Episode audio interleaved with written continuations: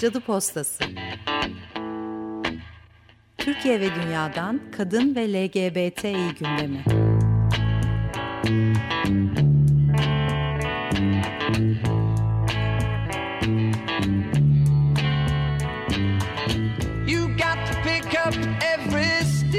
Hazırlayan ve sunanlar Burcu Karakaş ve Çiçek Tahaoğlu. Must be the season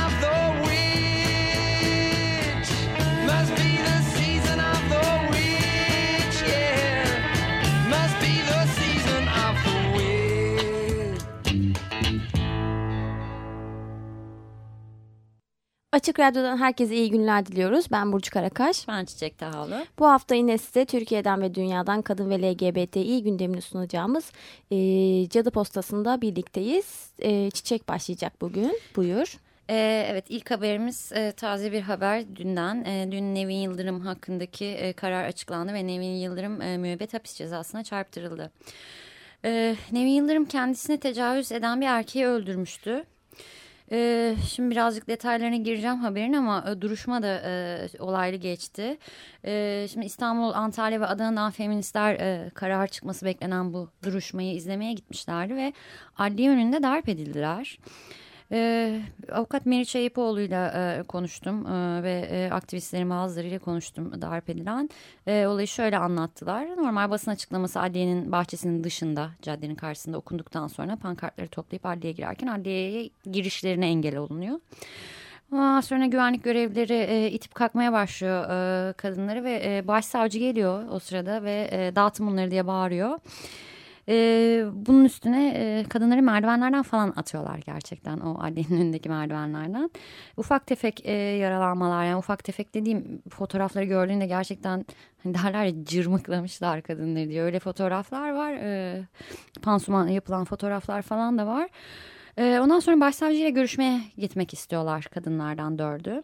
E, güvenlik görevlileri Merice diyorlar Merice Ayıpoğlu'na siz tek başınıza gidin. O da diyor hayır ben tek başıma gitmeyeceğim. Dört kişilik bir heyet ayarlıyorlar ama e, bir şekilde bu dört kişilik heyet içeri giremiyor. Sonra e, aktivist Filiz Karakuş'ta Meriç Ayıpoğlu bir şekilde sızıyorlar içeri diyeyim. E, başsavcının odasına gidiyorlar. Başsavcının kendilerine çok kötü davrandığını söylediler ve... E, Başsavcı burası benim adliyem. Ben buranın her şeyinden sorumluyum. Siz zaten yasa dışı gösteri yaptınız. Ben adliyemde yasa dışı gösteri yaptırmam diyor ve kadınları hani darp edildiklerini söylüyorlar e, güvenlikler tarafından. Evet emri ben verdim diyor. Bu cümle de maalesef çok tanıdık bir cümle. E, Eyüpoğlu dedi ki e, başsavcıya e, yasa dışı gösteri nedir diye sorduk ve anayasal haklarımızı hatırlattık. Yani yasa dışı gösteri yapmadığımızı anlattık e, ve en temel hakları bile bilmemesinin tuhaf bir durum olduğunu anlattık başsavcıya dedi. Neyse sonuç olarak giremediler içeri ama karar çıktı. Şimdi kararda e, Nevin Yıldırım müebbet hapis cezasına çarptırıldı e, ve e, suçu yardım alarak işlediği şüphesiyle soruşturmanın genişletilmesine karar verildi. Şimdi burada e, tuhaf olan durum karar duruşmasında mütalaya ek yapılması. E, yani çünkü e, avukatların da söylediği şey şu eğer bir insan suçu yardım alarak işlediyse iddianamede ve savcılık mütalasında bu olay kurgusu bu şekilde anlatılır. Ancak elimizde bir e, mütalaa var. Mütalada yardımdan bahsedilmiyor. Nevin Yıldırım şunu yaptı, Nevin Yıldırım bunu yaptı deniyor. Dolayısıyla soruşturmanın genişletilmesi gibi bir karar verilmesi mevcut mütalanın, mütalanın hatalı olduğunu gösteriyor bir kere. Yani böyle bir çelişkiye sokuyor bu karar. Ee, bunun yanı sıra... E, yani hiçbir indirim yapılmamış. Eğer yardım aldığı zaman cezada indirim yapılır normalde. Çünkü tek başına işlememiştir suçu. Birileriyle birlikte işlemiştir. Yani yardım almış o, o almış olması şüphesi aslında e, davaya ilişkin, karara ilişkin birçok şeyi değiştirebilecekken Nevin Yıldırım en üst şeyden cezalandırılıp üstüne bir de e, cezalandırılacak yeni kişiler aranıyor. Nevin Yıldırım'ı yani hatırladığınız için şey yapmadım ama e, kısaca hatırlatayım. Isparta'nın Yalvaç ilçesinde e, 29 Ağustos 2012'de kendisine silahla tehdit ederek tecavüz eden NG'yi öldürmüştü. Daha sonra NG'nin başını bir çuvala koyarak e, köy meydanına işte namuslanma uzananın kellesi diye bağırarak atmıştı. Ee, yani sonuç olarak müebbet hapis cezası aldı. Tabii ki temiz sürecine daha girilmedi bu yerel mahkeme kararı ama... E, nihai bir karar gibi gözüküyor diyelim. Evet belki bir de şunu ekleyebiliriz. Ee, kadın cinayeti davalarında sıklıkla gördüğümüz haksız tahrik ya da iyi hal indirimlerinden hiçbiri bu kararda uygulanmadı hmm. diyebiliriz. Şimdi sıradaki haberimiz Afganistan'dan. Ee, Afganistan'ın başkenti e, Kabil'de Kur'an yaktığı iddia edilerek bir kadın, Ferhunde adlı bir kadın linç edildi ve öldürüldü. Ee, soruşturma evreni e, Afganistan Cumhurbaşkanı Eşref Gali vermişti. Afgan kadının cep telefonlarıyla kaydedilen e, linç görüntüleri sosyal medyada büyük yankı uyandırmıştı. Çoğunluğu erkeklerden oluşan bir grup taş ve sopalarla e, bu kadına saldırarak kendisini döverek öldürdü ve polisin de olaya seyirci kaldığını biliyoruz. Daha sonra kadının cesedi yakıldı. Ve e, bu olay sonucunda hayatını kaybeden Ferhunde'nin e, tabutunu kadınlar taşıdı. Afganistan'da İçişleri Bakanlığı'ndan yapılan açıklamaya göre olaya karışan 8'i polis memuru 13 kişi hakkında soruşturma başlatıldı ve bu kişiler e, gözaltına alındı. Yani korkunç bir olay. Ee, üzerine söylenecek pek bir söz yok. Yani lince maruz kalarak, dövülerek ve sonunda yakılarak e, öldürülen bir kadından bahsediyoruz. E, soruşturmadan da açıkçası çok bir şey çıkacağını düşünmüyoruz diyelim. Evet. Şimdi birazcık daha umut verici bir habere geçelim. Hmm, Erktolya diye bir site açıldı. Belki duymuşsunuzdur. Ee, şimdi bu site siyasetteki, medyadaki ve gündelik hayattaki cinsiyetçilikle mücadeleyi amaçlıyor. Güzel bir çağrı cümleleri var onu okuyayım hemen. Ee, pornografik tecavüz haberlerinden, kadın ve LGBTİ düşmanı medya dilinden, kadın bedenini meta haline getiren reklamlardan, politikacıların LGBT ve kadınlara karşı nefret söylemlerinden, şiddeti ve cinayeti bahanelerle makul kılan söylemlerden usandıysanız artık harekete geçme zamanı diyor Arctoria'nın kurucuları. Ee, şimdi Arctoria... E, aslında e, bu cinsiyetçiliği yani hayatın her alanındaki cinsiyetçiliğin ifşa edildiği, teşhir edildiği bir site ve bu ifşa sürecini bir aktivizme dönüştüren, online bir aktivizme dönüştüren bir site. Herhalde en özetle böyle anlatabiliriz. Ee, herkesi bu cinsiyetçiliğe karşı eyleme çağırıyor, harekete geçmeye çağırıyor. Şimdi web sitesi şöyle e, te, teşhir eden edilen açıklamalar, reklamlar neyse teşhir edilen konu var. E, bu konu başlığına tıkladığınızda e, bunun neden cinsiyetçilik, e, cinsiyetçilik içerdiğini anlatan bu konu hakkında ne düşünüyoruz bölümü var. Ben e, tek tek bütün kampanyaları okudum. Çok beğendim gerçekten yazılış şeklinde bu konu hakkında ne düşünüyoruzların. Sonra eylem önerisi var. Eylem önerisi bir e, mail e, bombardımanı olabilir. E, şey olabilir e, tweet e, atma eylemi olabilir harekete geç bölümü e, de var bu da. Şimdi Arctolia aslında uluslararası bir platformun e, Türkiye ayağı. E, ismini de o yüzden çok güzel çevirmişler. Uluslararası e, cinsiyetçilik karşıtı ağın ismi Macholand. E, Arctolia'da Erk ve Anatolia birleşimi bence çok güzel bir çeviri olmuş. E, Ekim 2014'te Fransa'da kurulmuş Macholand. Mart 2015'te de e, İran ve Türkiye'li aktivistler kendi ülkelerine taşımışlar. Sırada Almanya ve Japonya varmış onların e, kendi versiyonları açılacak. E, neler var Artoria'da şimdilik? Hmm, en yeni kampanyaları e, Kadem'in Kadın ve Demokrasi Derneği'nin Önce Adam Ol kampanyası. Bu kampanyada Kadem'e önce adam olmaya gerek yok şiddet uygulamamak yeter ana fikrini anlatmaya çalışıyorlar ve önce adam olun bu eri zihniyeti e, ve mücadele edilen erkeklik algısını nasıl yeniden üreten bir slogan olduğunu anlatmaya çalışıyorlar. Bir diğer enteresan kampanya bence hani e, kadınların hepsini çok ilgilendiren bir şey. İETT'nin toplu taşıma araçlarını cinsel tacize karşı önlem alınması talebi. Bu kampanyada şeyden bahsediyorlar çok hoşuma gitti aslında böyle... E, otobüslerde falan e, görsel tabelalar olur ya elinizi kapıya sokmayın falan gibi oralara tacizle ilgili şeyler de eklenebileceğinden bahsediyor. E, bir de çok ilginç e, cinsiyetçi ürünlerle tanıştım bu site sayesinde. Mesela bir çikolata varmış ismi lazım değil sloganı erkek gibi ye erkek gibi yaşaymış. Çok enteresan gerçekten. Ee, onun dışında erkekler için diş macunu çıkarmış bir marka yani böyle bilmiyorum neyse yorum yapmayayım. E, Diyanet'in aile içi e, şiddete e, yönelik hattında verilen e, cevaplar e, şu Suriyelere okuyun gibi cevaplar eleştirilmiş ve Diyanet'e mention yaparak bir kampanya başlatılmış. Benim haberimdi. Görünce çok sevindim. medyada kadın cinayetlerine aşk bahanesi, e, aşk cinayeti bahanesi verilmesiyle ilgili bir kampanya var. Yine bir e, reklam, cinsiyetçi bir reklam eleştiriliyor. Bir nikah esnasında gelinliğiyle nikah masasına oturan kadının evet dememesi. Bunun üzerine ise nikah memurunun damadı gelini razı edebilmek için kendisini alışverişe götürmesini tavsiye ettiği bir reklam bu. Tavsiye uyan damat adayı evlenmek istediği kadının iradesini hiçe sayıp kadını mal ve mülkle nikah razı etmek üzere Ertuğrul'un cümlelerini okuyorum. Bu mağazanın e, yolunu tutuyor. E, önce e, hemen önce evlenmem diyen gelin adayımız ise mağazaya girip binlerce ürünü düşük fiyata bulunca bir anda yelkenleri suya indiriyor ve evlenmeye razı oluyor. E, bir de e, Star TV kameramanı bir, birazdan bahsedeceğimiz bir haberle ilgili e, bir kampanya var. E, bir sonraki habere geçtikten sonra onun detayına gireyim. Evet, e, geçtiğimiz hafta sonu Bilgi Üniversitesi'nde çok önemli bir toplantı düzenlendi. İstanbul Sözleşmesi'ni çoğunuz duymuşsunuzdur diye zannediyorum. Er, e, erkek şiddetiyle mücadele konusunda imzalanan uluslararası bir sözleşme. İsmi de e, isminden de zaten belli aslında Türkiye'nin ilk imzacı olduğu sözleşmelerden biri. Bu toplantıya kimler katıldı? SEDAP komite üyesi ve Türkiye'nin Grevio adayı Profesör Feride Acar, Eşitiz'den Avukat Hülya Gülbahar, Mor Çatı'dan Açelya Uçan, Kadın İnsan Hakları ve Yeni Çözümler Derneği'nden Şehnaz Kıymaz ile Spot'tan Avukat Ezgi Şerif e, oradaydı. Panelin açış, açılış konuşmasını Bilgi Üniversitesi Hukuk Fakültesi den e, Profesör Turgut Tarhanlı yaptı. Ben de o toplantıdaydım.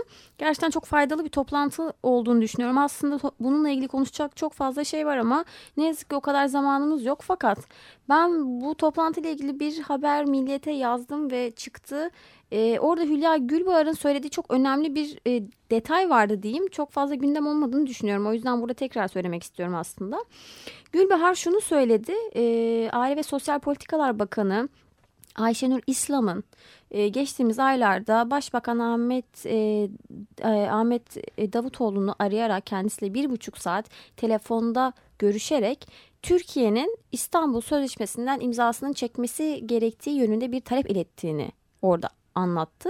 Ya ben şahsen bununla ilgili herhangi bir e, haber duymamıştım ve duyunca şok oldum diyebilirim. Ben şu kadarını duymuştum sadece. E, çıkmıştı aslında birkaç gazetede. Hmm, bazı kadın örgütleri kadem gibi bazı maddeleri çekince konulması gerektiğini savunuyorlardı. E, İstanbul Sözleşmesi ile ilgili haberlerde. Hani bağlantılı olarak aklıma bu geldi sadece. İşte evet ama hani bir buçuk saatlik görüşmede toplantı e, yani affedersiniz bu sözleşmeden Türkiye'nin tamamıyla çekilmesini istemek e, başbakanın bunu kabul etmemesi üzerine hani bu durumun ortaya çıkmaması yani bayağı önemli bir durum esasında. Adı İstanbul Sözleşmesi bir kere. Bir de kaldı ki e, böyle bir durum söz konusuymuş ve sağlam kaynaklardan bu bilgiyi edindik dedi avukat Hülya Gülbar bunu ekleyelim. E, sonrasında bir başka önemli konu da aslında Morçatı'dan Açelya Uçan'ın e, şiddet önleme ve izleme merkezleri yani şönim diye adlandırdığımız yerlerdeki e, koşullar hakkında aktardığı bilgilerdi. Sığınıkla, e, affedersiniz, sığınaklarda yer yok. Kadınların 3 ya da 6 ay e, e, kalabilecekleri bir yer yok. Kalıcı sığınağa yerleştirilmeden önce kaldıkları ilk adım diye tabir edilen merkezlere kadınlar e, toplama merkezi diyor.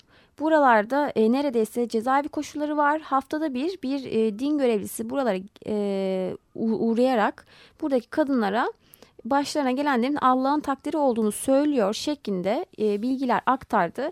Bunlar e, çoğaltılabilir aslında bununla ilgili e, söylediği örnekler.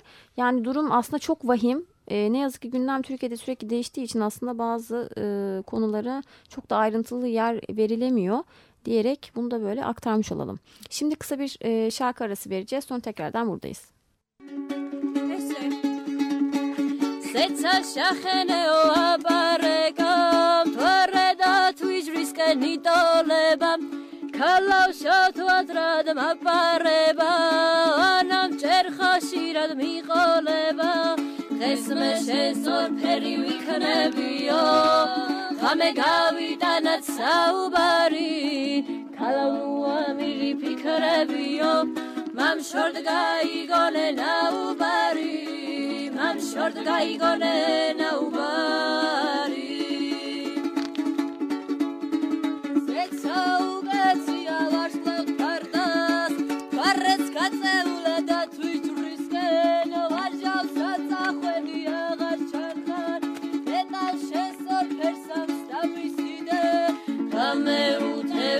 მაცაუბარს. დილა გათენებუნა მიანი რიჟრას არყიანი ბოთლა უყვარს. ბოთლა ნაჭრელია სასმლიანი ბოთლა ნაჭრელია სასმლიანი.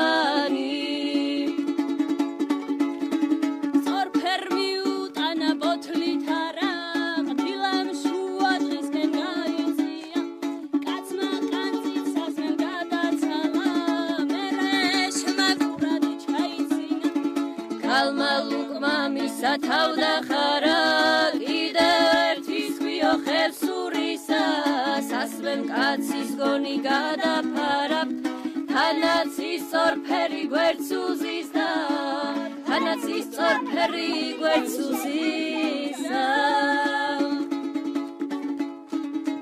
რაებს ვაზრო ღმერთმა მარისხას და შერცხვა გადაეკრა სახადისფერ ნელა გადავიდა დათვის Evet az önce dinlediğiniz şarkı e, üç tane Gürcü kadının Trio Mandilli adı verilen gruptan Apereka adlı şarkıydı. Şimdi haberlerimizi kaldığımız yerden sürdürüyoruz. Ee, şimdi yine bir erkek şiddeti haberinden bahsedeceğiz. Bu sefer e, muhabir kadınların başına gelen bir haberden.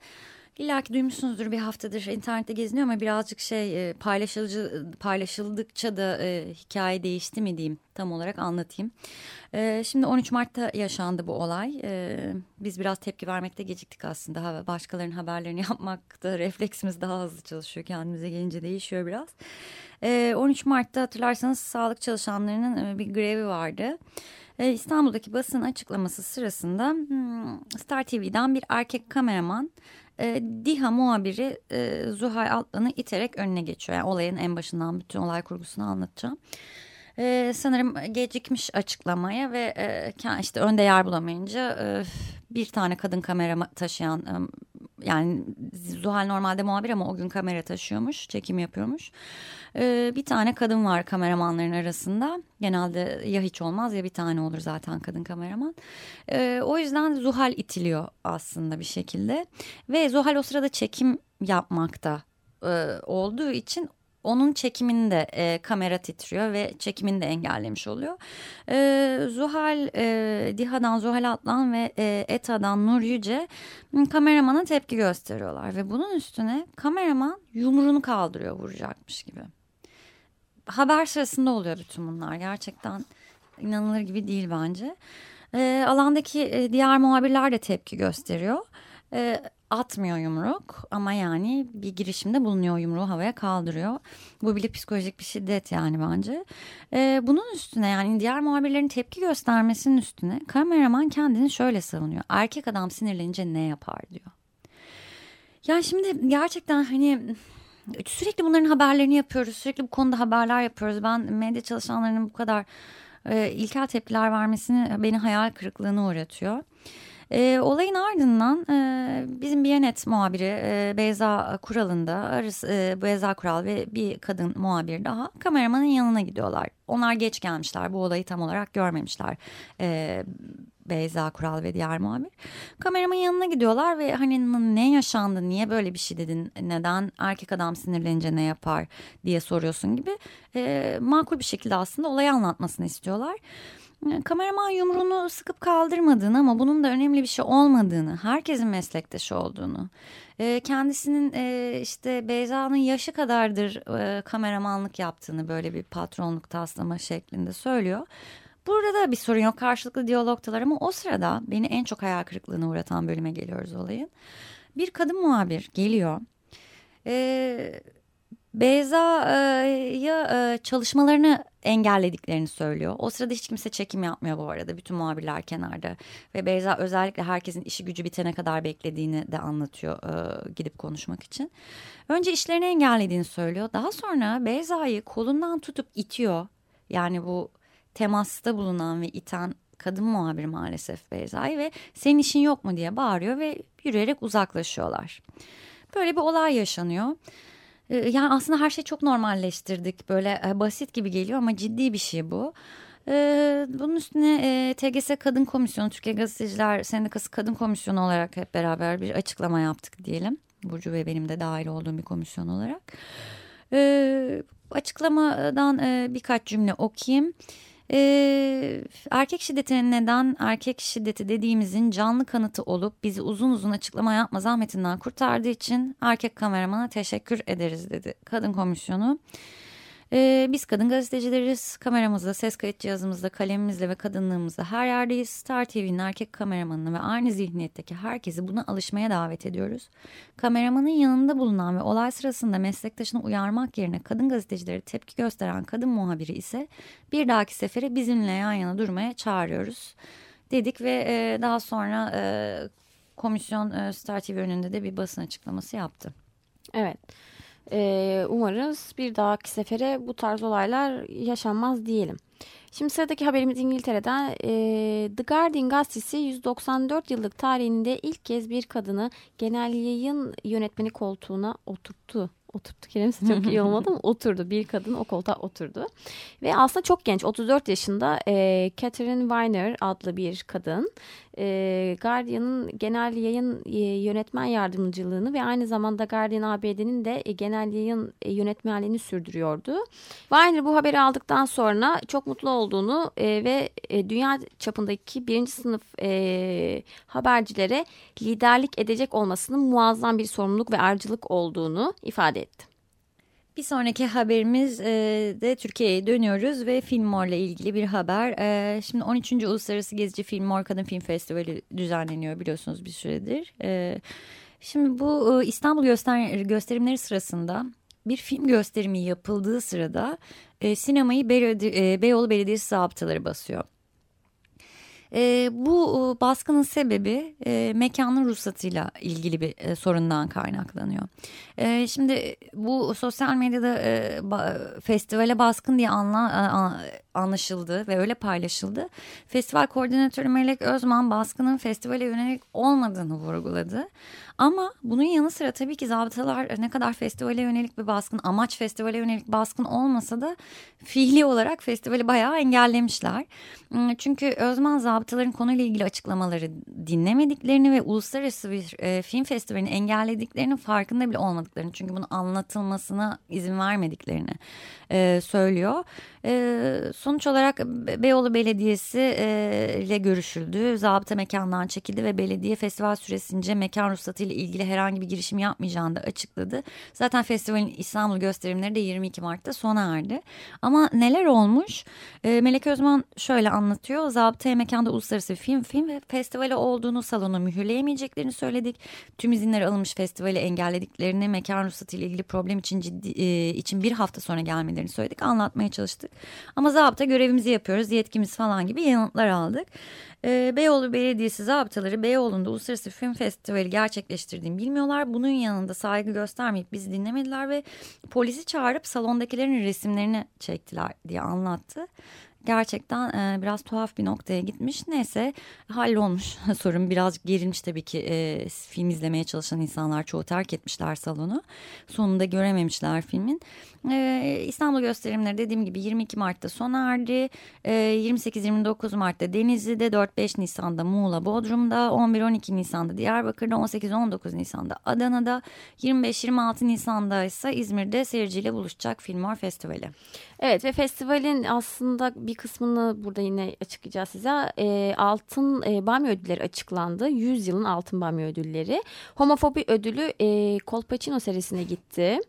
100 Bamya Turşusu ödülü bütün seks filmlerine gitti. Cinsiyetçi dil ödülü e, Yusuf Yusuf adlı filme. En sevdiğim ise şimdi geliyor. Yüzyılın e, Bamyası erkek karakter e, karakter Recep İvedik'e gitti. Tabii ki. Kadın karakter Kezban'a gitti. Senaryo sözde kızlar ve filmde Canlı Hedef adlı filme gitti. Evet. Ee, yine bir cinayet haberine döneceğim ben ama kısaca geçeceğim çünkü çok çarpıcı bir olaydı. Ee, Sivas'ta e, cinayet hükümlüsü e, Mehmet Avcı, karısı Leyla Avcı'yı cezaevinin pembe odasında 3 santimlik ucu küt bir meyve bıçağıyla öldürdü. E, maalesef 3 e, saatlik bir görüşmeymiş pembe odadaki. E, meyve bıçağının e, oraya nasıl gittiğiyle ilgili çeşitli spekülasyonlar var. E, aslında küt ve 3 santimlik bıçak olduğu için e, cezaevi kantinde de satılıyor. Tabii ben de aslında haberi ilk gördüğümde pembe odaya meyve bıçağı girmesine sinirlendim ama daha sonra e, ceza infaz sisteminde sivil toplum derneğini aradım ve gerçekten beni de aydınlattılar. Asıl sorunun meyve bıçağı temin edilmesi değil cezaevlerinde mahpuslara yönelik psikososyal destek çalışmaları yapılmaması olduğunu vurguladılar. Çünkü modern infaz rejimlerinin gerçekten içerideki hayatı dışarıdakine yakınlaştırmaya çalışması gerekiyor. Dolayısıyla tabakların bıçakların gerçek olması iyi bir şey mahpusların tekrar dışarıya çıktıklarındaki hayatlarının devamı ve oradaki psikolojileri için ama psikososyal değerlendirme çok önemli çünkü e, CIS'ten Zafer Kıraç'ın da dediği gibi eğer bu e, mahkumcu cinayet hükümlüsü karısını öldüren bu cinayet hükümlüsü eğer e, psikos, e, psikolojik bir değerlendirmeden geçseydi zaten karısıyla onun aynı odaya konulmaması gerektiği bilinirdi. Çünkü zaten bu adam karısına tecavüz eden bir erkeği öldürmekten cinayet hükmü alıyor. Üstüne şimdi bir de karısını öldürüyor. Dolayısıyla bu iki insanın bir araya getirilmemesi bunun içinde e, cezaevinde yeterince sosyal hizmet görevlisi ve psikolog olması gerekiyordu ki maalesef Türkiye'de yok böyle şeyler. Evet bu da son haberimiz olsun. Bu haftalık bizden bu kadar. Haftaya tekrardan burasında buluşacağız. Herkese iyi günler diliyoruz. Cadı Postası Türkiye ve dünyadan kadın ve LGBTİ gündemi.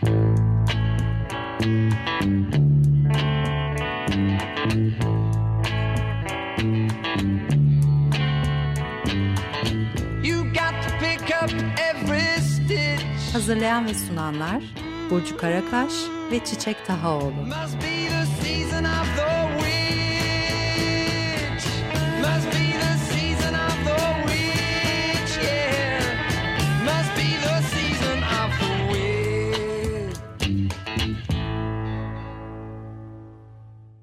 Açık Radyo program destekçisi olun.